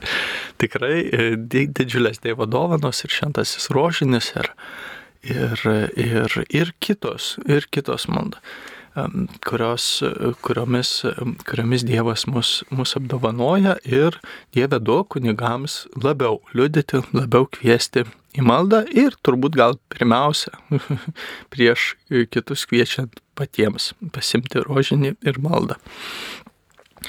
Um, taigi dar vienas skambutis. Paskambino Alma iš Rokiškio. Klausime Alma, sveika. Sveiki, garbėjus Kristui. Per amžius jam. Ar jau galiu kalbėti? Galite. Nugi čia dėl to Dievo dovanos, kal, kalbinės Dievo dovanos. Pirmiausia, tai nelabai aš moku gražiai kalbėti, bet vis tiek pasakysiu. Nu ir girdėjau ir skaičiau, dabar tai jau nebeskaitau, bobutė esu. Nu, diev, nu kaip apaštalų man siuntė šventą dvasę ir jie pradėjo kalbėti kalbomis. Taigi buvo parašyta taip, kad reiškia apaštalai, nebežinau kuris, kalba ar ne, sakykim, aš lietuviškai kalbu, o čia minė ir rusų, ir žydų, ir latvių, ir dar ko nors, ir visi girdis, supranta savo kalbą. Ir jie nustebę klausia, o kaip čia dabar yra, kad aš girdžiu, nu va, lietuviškai kalbant, kitas sakys aš rusiškai, kitas dar kaip nors. Ir aš Kaune dirbau ligoniniai ir buvo ligonių grupelė priklausanti tikėjimo žodžiui. Tai būdavo susirenka pulkelis ir nu tiesiog, nu, kalba kažką kalba, sakau, bet ar jūs suprantate, ką kalbate? Tai ne, mums taip liepia. Tai va su tom kalbos dovanom, aš tiesiog nežinau, man atrodo taip ir buvo, kada paštalai tai kalbėjo savo kalbą, kokią jie mokėjo, o žmonėms buvo stebuklas toks, kad jie suprato savo kalbą. Taip, jūs teisingai turit, e, teisingai, reiškia, pa, pa, pa, nu, atlėpėt ir aš praplėsiu jūsų mintį, tai, ką jūs pasidalinot, iš tiesų, iš tiesų sėkminėse buvo egzeketai atranda, kad buvo abu fenomenai sėkminių įvykyje kaip tokiame, tai yra šventosios dvasios siuntime tai buvo tas, kas vadiname glosolalija ir ksenolalija. Tai reiškia, vienas yra kalbėjimas kitomis kalbomis, kur niekas nesupranta ir dažnai pats kalbantysis nesupranta, kokią kalbą kalba, bet šventoji dvasia ta, įkvėpia tą maldą įvairiausiom, na, iš šono atrodant labai keistai, bet e, tas žmogus, kuris melžiasi, jisai melžiasi šventojoje dvasioje. Ir, ir, ir kad tai įvyko sėkminėse, matome iš reakcijos žmonių, e, kurie sakė, kai pamatė juos visom kalbom kalbant, kitus pranašaujant, kitus šlovinant Dievą, e, ir sako, kas jiem pasidarė, atrodo, kaip prisigėlė jauno vyno, žinai, matyta, nais marmaliavo visom kalbom, ar ne? Ir, ir tai na, buvo tai, ką vadiname ta kalbų dovana, kuri yra labai, iš tikrųjų, kai jinai žmogui, kuris nesusidūręs, atrodo, nu, tikrai keistoka, gal net sektantiška kažkokia praška arba, arba baisi, nes, nu, kaip žmogus dabar kalba, reiškia, meldžiasi ir jisai nežino, ką kalba. tai, tai yra nu, labai labai neįprasta. Bet atrodo, biblistai sako, kad šitai, šita, šitai pasireiškia ir sėkminėse taip pat. Apaštalai šitaip tą kalbų kalbą, reiškia, e, meldėsi. E, ta keis, keista, reiškia, kaip tikėjimo žodis arba kiti katalikų charizminio sinaujimo nariai taip pat, arba sėkmininkai, arba dar kiti, kurie tą dovaną e, gauna ir, ne, sakykime, jie, jie meldžiasi. Ne? Tai ir tai, ir tai yra dovana. Tai yra šventosios dvasios dovana, pati mažiausia iš charizmų, pati mažiausiai reikšminga, absoliučiai jokio sureikšminimo neturi būti, jinai nėra geresnė malda už visas kitas ir, ir net apaštalas Paulius sako, kad jau geriau savai žodžiais pasimelsti, jeigu yra kiti klausytojai, nes tada bus nauda kažkam, kas išgirs. Nes maldos vertė priklauso ne nuo to, kas sakoma, bet nuo to, kokia širdimi melžiamasi. Ir Ir, ir vis tik sėkminėse buvo ir antras fenomenas, tas vadinamas, na, kaip yra Google Translate, tai čia vadinkim Spirit Translate. Kada stojo Petras ir jisai skelbė Dievo žodį ir, ir, ir, ir, ir, ir tada visi žmonės, kurie susirinkė iš daugybės skirtingų tautų, kiekvienas girdėjo savo kalbą jį kalbant, ar ne? Ir, Ir jie sakė, kas čia dedasi ir ne, kaip mes girdim kiekvieną kalbą. Ir tai buvo ženklas, ką vadiname Babelio apvertimu, ar ne? Tai kad ta istorija apie Babelį, kuriame Dievas išsklaidė žmogaus išdidume puikybėje, kad sakė, va, mes Dievą pasieksim, ne, ta Škibabelis simbolizuoja žmogaus išdidumą, čia ir tokį suskilimą iš to, nes kai žmonės ima konkuruoti prieš Dievą, vieni prieš kitus, iš karto atsiranda skilimas, nesantaika. Čia Dievas sujungia į vienybę ir ta vienybė yra pagrindinis ženklas. Taigi, Taigi matome sėkminių įvykyje tą vienybės malonę, matome tą šventosios dvasios visomis kalbomis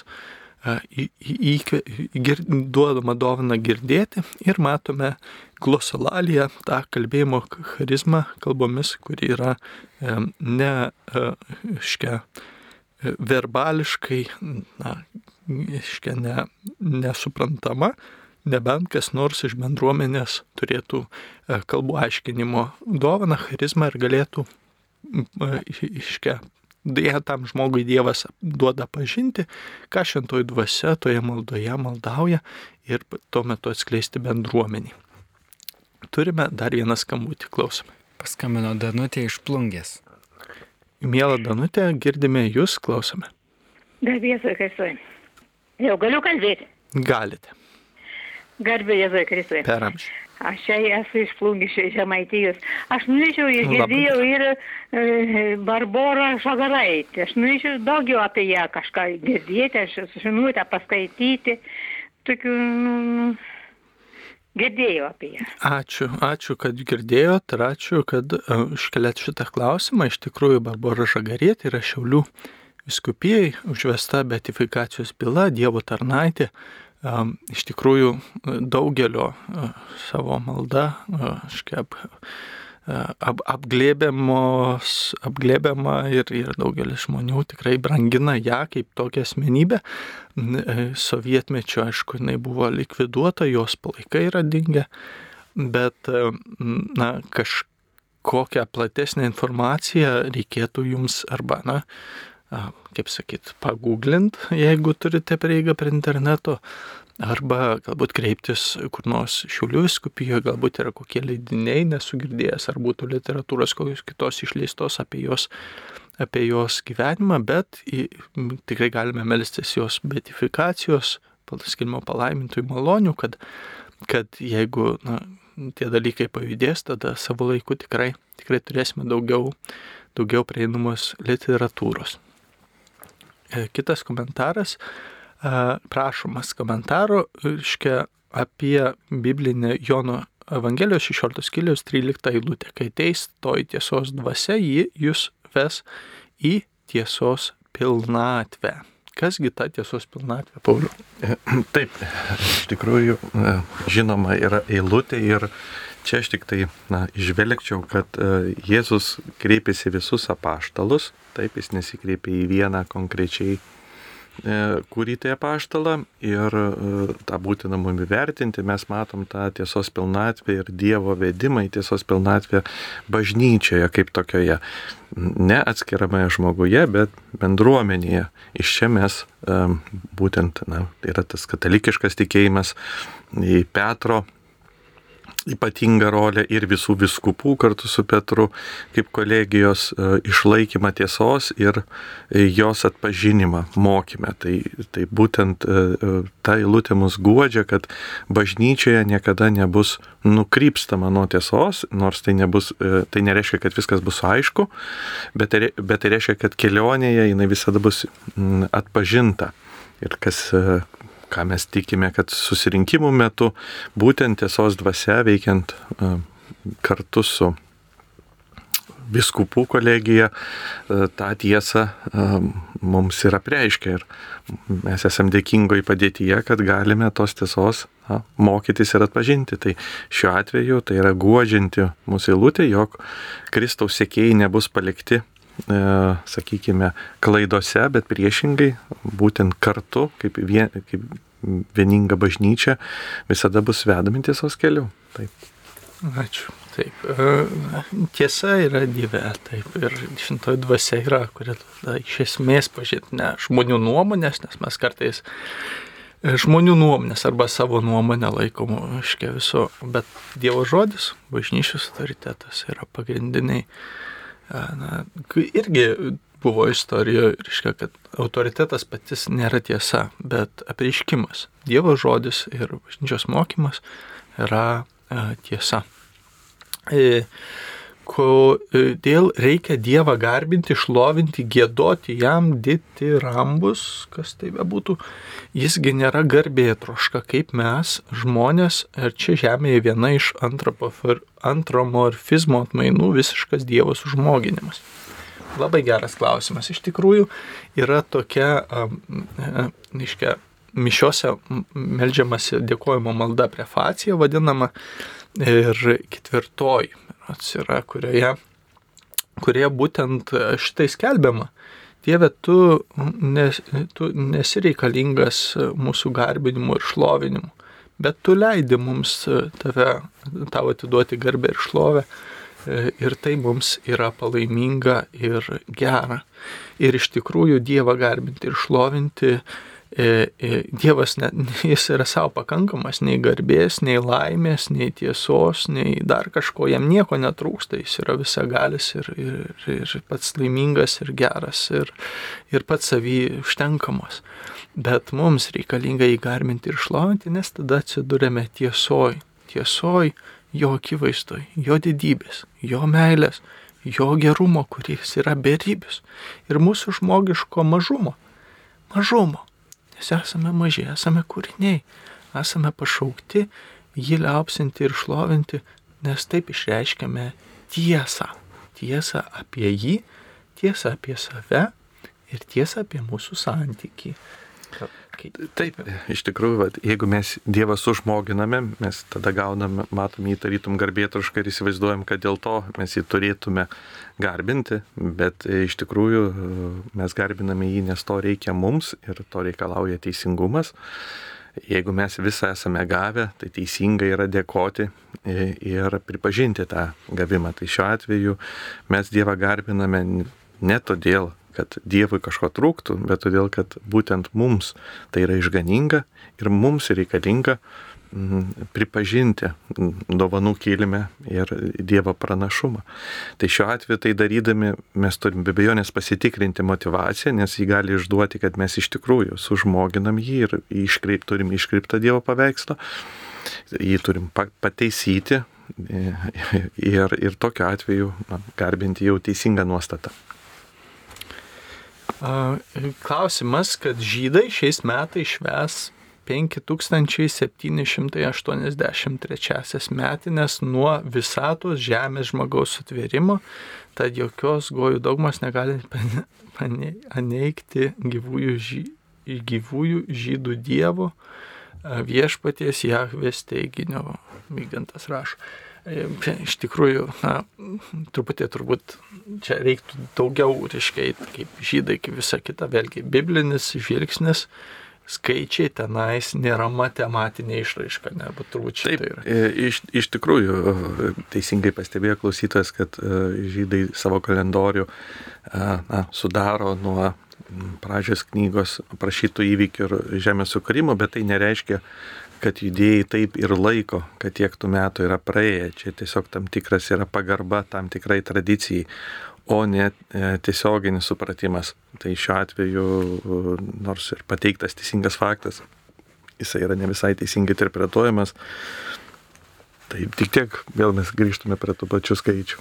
Taip, tai čia, reiškia, nu tiesiog, kad Dievo žvilgsniu, nes jisai yra pasakęs viena diena kaip tūkstantis metų ir tūkstantis metų kaip viena diena, tad e, kiek dienų ar kiek tūkstančių ar kiek milijonų metų Dievo kūryboje buvo, kad šita visata atsirastų na mūsų žvilgsniu, nes prieš visatų sukūrimą dienų ir laikų iš viso nebuvo, laikas taip pat yra Dievo kūryba, iš jo žvilgsnio yra tik tais jo amžinojo sprendimo etapai, prieš kurį, kaip August, Šventas Augustinas sako, mes iš Dievo žvilgsnio, iš Dievo minties, mes esame amžinai jo mintyje esantys ir atsiradę e, nuo amžinybės išsvajoti ir, ir, ir, ir matyti. Ir čia atsidurėme prieš tokį, tokį slėpinį, ne Dievo, dievo pažinimo, Dievo žinojimo, kurio mes negalime prilygti, kad ir kaip norėtumėm ir jo pamatuoti ir įvertinti moksliškai ir techniškai, kaip čia dabar ta visata buvo. Mums labai sudėtinga, nes matai, prieš 6000 metų niekas nenufilmavo, nebuvo, ne, ne, neturim, reiškia, YouTube'ai neįdėta, kas ten, kaip, kaip filmukų, kaip ten buvo ir visa kita. Nes mes neturime galimybių kaip, reiškia, nu, patikrinti ar ne. Ir, ir iš dalies pasiliekama prieš slėpinį ir e, dalinai mums duoda ir mokslas, aiškiai, atrodo, na, tie atradimai mokslinės rodo, kad na, tie bibliniai metai, jie buvo ilgesni, ar ne, ir, ir, ir, ir, ir dinozaurų liekonos ir visa kita, tai reiškia, tai tie milijonai ir visa kita. Tai, sakau, vėl Dievo žvilgsniu, kaip jo kūryba buvo reiškia, visa, visa ta sukurta ir, ir tai yra, yra na, tiesiog Biblija yra tiesa, bet joje pateikiama, tai nėra matematinė knyga, tai nėra fizinė knyga, fizikos, tai vadovėlis, tai yra, tai yra mums apreikštos Dievo principai, pro kuriuos turime atpažinti Dievo meilę ir jo veikimą mūsų gyvenime, mūsų iškia, realybė. Turime skambutį. Stanislava iš Kauno. Kristai. Per amžių Stanislava, girdim jūs. Aš e, norėjau čia dėl, kadangi šią naktį buvo per adoraciją iš Šiluvos smulkiai paaiškinta apie vaikų, apie Marijos apsireiškimą Fatimoje vaikams. Ar čia kažko tai, nežinau, ir kitiem nesuprantam, ar kaip tai buvo Marijos paaiškinta, kad jeigu bus paukota Rusija, tai nebus šito kraujo praleimo, nebus to karo baisaus, kuris įvyko. Ar čia yra žinoma kaip nors, dėl ko nebuvo paukota, kieno čia buvo kažkoks taip toksai pra, praleidimas. Mhm. Ir va, dabar Marija, ką čia kalba, čia paskutiniai Marijos žodžiai, Marija kalba savo sunums kunigams. Nu, mhm. ir labai daug ką pasako, kalba jau 93-4 metų, bet ne tų laikų, bet šitiem laikam kalbama yra. Ir labai daug tenai tikrai ką sako, bet niekur, niekur nieko negirdim, kad būtų žmonėms žinoma, ką, ką Marija aiškina ir kas mums artėja. Kodėl čia taip yra nutilima?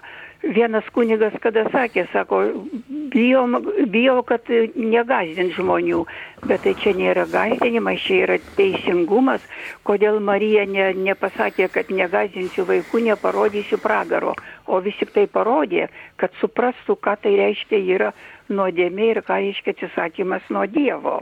Taip, ačiū Jums, ačiū Jums už Jūsų klausimus, jie, ja, na, sakykim, ir, ir svarbus, ir kartu norisi nukreipti į į koncentraciją, į, na, į šiek tiek, šiek tiek kitokiu būdu tą svarbumą atrasti.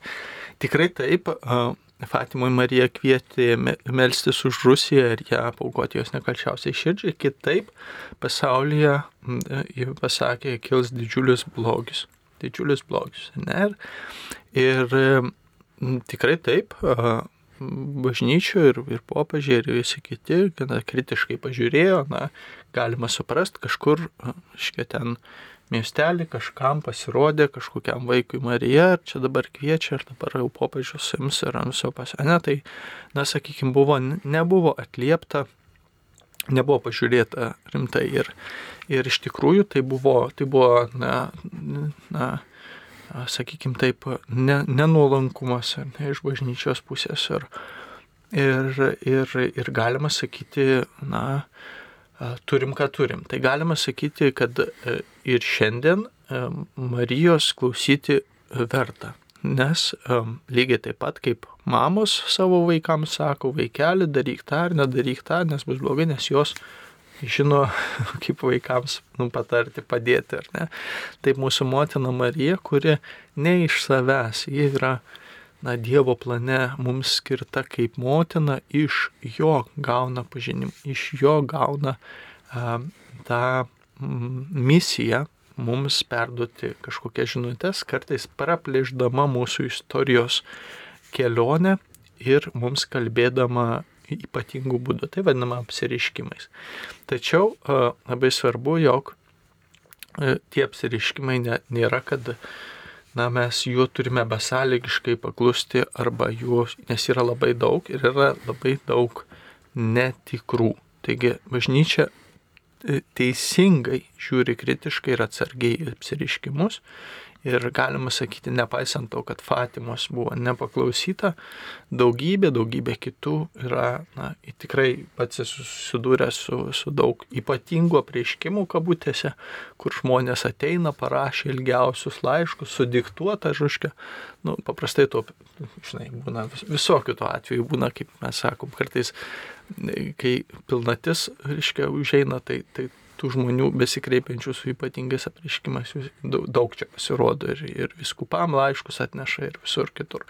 Tai, reiškia, tai neturim visko tikėti. Šitie prieškimai, kurio jūsų paminėti, kur Marija kunigams kalba, jie, kiek žinau, nėra, nėra patvirtinti bažnyčioje ir juos galima žiūrėti kaip į na, tokį duosingumo arba dvasingumo arba žmogaus na, noro, kad Dievas mums taip kalbėtų išraišką, bet netiesiogiai priimti kaip, kaip iškai, Dievo kalbėjimą Marijos apsiriškimą kažkokį. E, tai toks būtų turbūt komentaras. Tai gal tik papildyčiau, kad būtent Fatimos apsiriškimai jie įspėjo mus apie pirmą pasaulinį, pirmą pasaulinį karą ir vėliau uh, komunizmo mm, išplitimą iš Rusijos ir, ir padarytą tą žalą baisę e, tos valstybės komunistinės režimo to. Ir šiuo atveju, na, turbūt reiktų suprasti, kad tas pašventimas arba paukojimas, čia reikėtų į to žodžio vertimas dar yra svarbus. Jis nėra vienos ar kitos maldos klausimas. Tarytum kažkuris vyskupas ar popiežius pasimeldęs įspręstų tą klausimą. Tai yra tautos perkeitimo klausimas. Ir bažnyčia turi, m, turėjo, na, turbūt išgirsti tą įspėjimą ir rūpintis tautos švietimu, kad jį save pavestų Dievui. Ir šiuo atveju tai buvo galbūt, e, galim pripažinti, na, nepavyko padaryti laiku ir niekad nevėlų yra vėl prie to grįžti. Ir šiuo atveju galbūt reikėtų na, nesukoncentruoti, kad tarytum buvo viena malda ar kažkoks tai veiksmas, kuris būtų viską įsprendęs. Ne, tai yra visas mūsų darbas, visų mūsų ir ypatingai pačios Rusijos bažnyčios veiksmas e, žmonės žmonės savo tautą, ją, sakykime, vesti dievop ir tai iš tikrųjų na, būtų, būtų ir savalaikiai užkirtę kelią komunizmo plitimui ir dabar yra geriausi vaistai. Tai čia šiek tiek apie tą patį pašventimą, pavedimą, pažodžiui, būtų galbūt reiktų sakyti, tas paukojimas dažnai susidaro įspūdis, kad vat, kodėl gal popiežius galėjo tiesiog paukoti ir viską išspręsti. Tai ne visai yra taip, tai yra dalis viso mūsų veikimo, turi būti ir misionieriška veikla, šviečiamoji veikla, maldos veikla, kad žmonės iš tikrųjų taptų pavedę save, kaip tauta pavedusi save Dievui. Ir Marijos širdžiai. Norėčiau truputį dar tą papildyti e, komentarą į tai, kad kas tas paukojimas yra. Tai iš esmės vat, labai geras atlipas, kad ne tik, kad popiežius dabar paėmė, paukojo ir staiga visas blogis ir iškia ten dings ar ne, ir jisai, jisai pranyks kažkaip. Bet būtent, kad popiežius e, kokiu būdu jisai, jisai kvie, būt, nu, jisai, popiežius kviečia visą bažnyčią melstis ar ne už už, už šitą situaciją, kurią, kurią paveda motinos globai. Ir iš dvasinės perspektyvos, ką tai reiškia. E, komunizmas kaip toksai, jisai susijęs ne tik su ideologija, ne tik su na, kažkokia grobokiška, grobikiška ir, ir ateistinė ideologija, kuri, kuri na, sakykim, žmogiškai matoma, ką mes patyrėm savo daug skausmo išnešęs ir savo tautoje. Bet jisai susijęs ir su na, demonų arba piktųjų dvasių veikimu, kuris stovi už to komunizmo. Tai kitaip sakant, popiežiaus malda, būt, aiškia, Marijos pavadimu būtų Jėzaus Kristaus vardu, e, na, įžengimas į dvasinę kovą, kad tos piktųjų dvasių įtakos būtų na, panaikintos arba sutraukytos arba e, su, sudrausmintos ir netektų galios. Ir šito autoriteto, atrodo, bažnyčia Marijos kvietimu neužėmė šitoj vietoj. Tai galbūt šito būdu mums ir rezonuoja ir į mūsų šio, šio, šio metinį laikmetą ir, ir mūsų dabartinę karo situaciją, kurioje yra na, baisi tragedija žmogiška, ar ne? bet kartu e, iš dvasingumo pusės mes esam pašaukti melstis ir tikrai Dievę kovoti tą dvasinę kovą prieš tamsybių kunigaikštystės ir valdžias, kurios, kurios stovi už, už, už, už, už žmogaus neapykantos. Tas neapykantos kurstytojas, piktasis ir ne jis žmogų, žmogaus nekenčia, jis nori žmogaus pražūties Dievę, gelbėk mus, gelbėk ir mūsų sielas ir mūsų e, žemės gyvenimą nuo visų šitų blogybių, kurios mus ištinka, tad, tad tas kvietimas rezonuoja ir mums visiems. Turime skambutį. Vinsas iš Vilniaus. Sveiki, Vinsai, klausome jūsų. Sveiki. Norėjau paklausti iš apaštalo darbų šios dienos. Gal vieną eilutę perskaitysiu. Paėmęs apipjaustydino jį dėl žydų gyvenančių tame krašte. Paulius, reiškia, sutikęs, nu, pagal rekomendacijas Timotėjų, nori paimti su savim. Ir būtent dėl šito apipjaustydinimo, nes vakar apaštalai ir vyresnėjai buvo nusprendę, kad pakaks susilaikyti nuo aukos, nuo aukų stabams kraujo pasmauktų gyvulių mėsos ir ištvirkavimo. Taip. Bet šiandien Paulius vis tiek apipjaustydina, nors Paulius kaip ir labiausiai gal priešinosi tam. Tai dabar norėčiau jūsų komentaro. Gerai, ačiū. Taip, čia sudėtingas yra klausimas e, e, apie pjaustimo. Kas, kas tikrai yra aišku, kad pagonims, nežydų kilmės tikintiesiems, e, jis yra nereikalingas, va, bet sudėtingesnis klausimas yra kaip kaip su žydų tautos atstovais ir šiuo atveju šitoje vietoje mes matom tik tiek, kad Paulius tai daro ne todėl, kad jaustų įpareigojimą išgelbėjimo malonės kontekste, bet jis tai daro tam, kad jis būtų neatmestas žydų bendruomenės. Tai yra tam tikri veiksmai, kurie būtų nors ir neprivalomi, E, išgelbėjimo kontekste, bet jis jos elgėsi tam, kad nebūtų at, papiktinimas ir atmestas, e, na, sakykime, žyd, žydiško, žydiškos bendruomenės, kurioje jis turėjo tarnauti.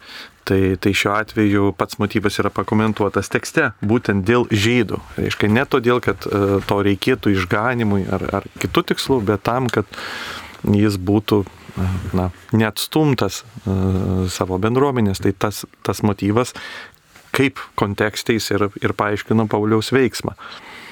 Jo, kad e, iš tikrųjų Evangelijos skelbime žydams e, Evangelijos skelbti na, nei, buvo neįmanoma liudyti Jėzaus, jeigu tu nesi žydas, pagonių niekas neklausys jeigu tai neapipjaustytas žmogus atėjo, reiškia nepriėmęs žydų tautos, Izraelio tautos tikėjimo identiteto, tai reiškia apipjaustimas buvo tolygus krikštui, tai panašiai analogija būtų, jeigu šiandien į katalikų bažnyčią ateitų ir mums imtų jūs dabar paklausykit mano pamokslavimo žmogus, kuris net yra nekrikštytas, ne, tai sakysiu, nu ką tu mums čia pasakoji, net nekrikštytas, net tik krikščionis, ne, tai lygiai taip pat, ar ne, tai Bet aišku, tik tais tiek, kad apipjaustimas jisai jau Jėzuje Kristuje ne, nebuvo na, būtinas ar ne išganimui, bet žydų tautoje jisai buvo suvokiamas kaip, kaip na, būtinybė, kad na, būtum iš viso adekvatus, reiškia, bendruomeniai e, priimtas. Noriu komentuoti apie Bromą. E, e, kanano, kanano kraštas, kurį Dievas siunčia Abraomui mu, mo, tai nuojaus prakeikto anūko kanano palikonių nusidėlių žemė. Ar ne? Klausė.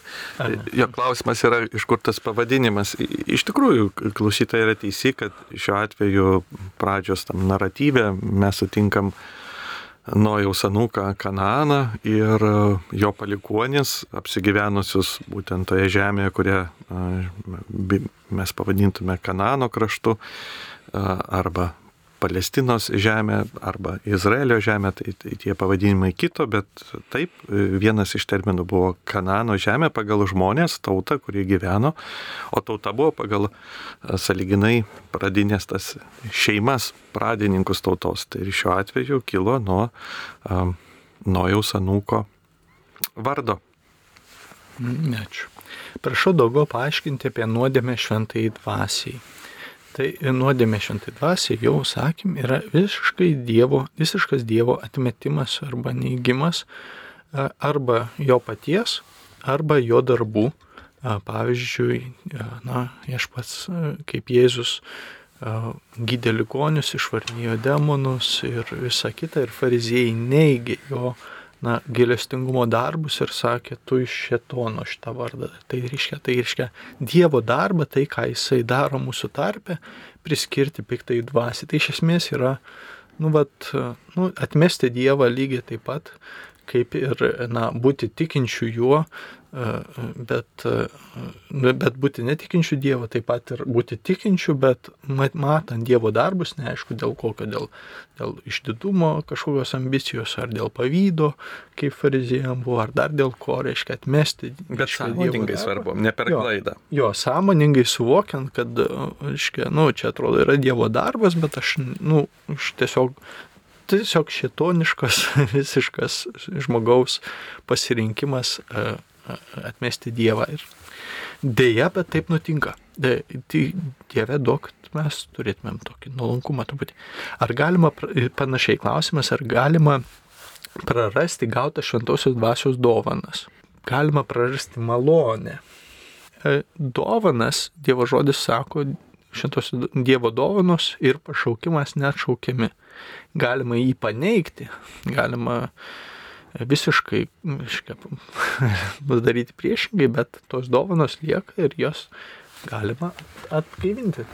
Būtent galima jas atgaivinti, kai kada mes galim jas apleisti, tarytum dulkėmis, ar ne, jos gali būti apdengtos arba pamirštos, tai šiuo atveju laiškė Timotėjai yra toks kvietimas atgaivink savyje esančią malonės dvasios dovaną. Tai, tai šiuo atveju nors jinai yra nepraradama, bet gali būti primiršta, nepraktikuojama ir iš tikrųjų galima melstis atgaivinimo to, ką Dievas yra davęs. Taip. Kiti klausimai. Čia. Mhm. Mhm. Visokie asmenys prašo maldos. Um, jau, jau prašot maldos, tai daug, daug kas prašot maldos, tai labai gerai, aiškiai mes Dievę pavedam tavo, tau visus prašančius maldos ir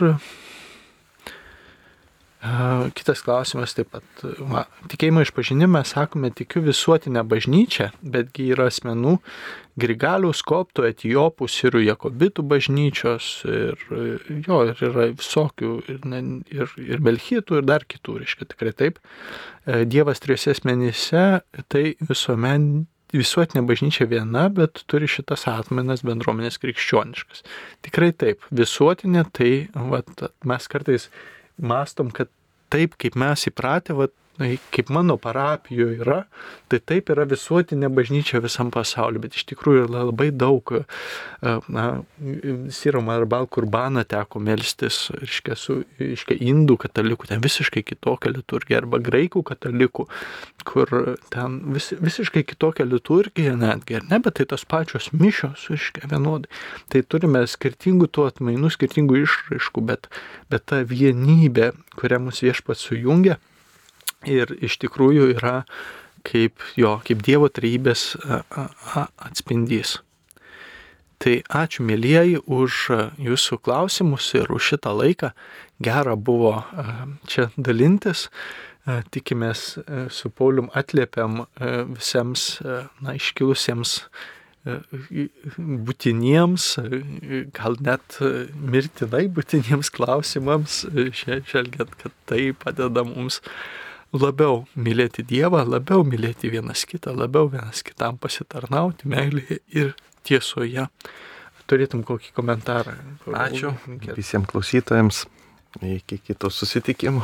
Taip, gera. Šlovė viešpačiui už jo dovanas ir už išminties dovaną, kurią taip pat atrandame klausydami vieni kitų ir vienas kitą išgirsdami. Būkite palaiminti. Sudė.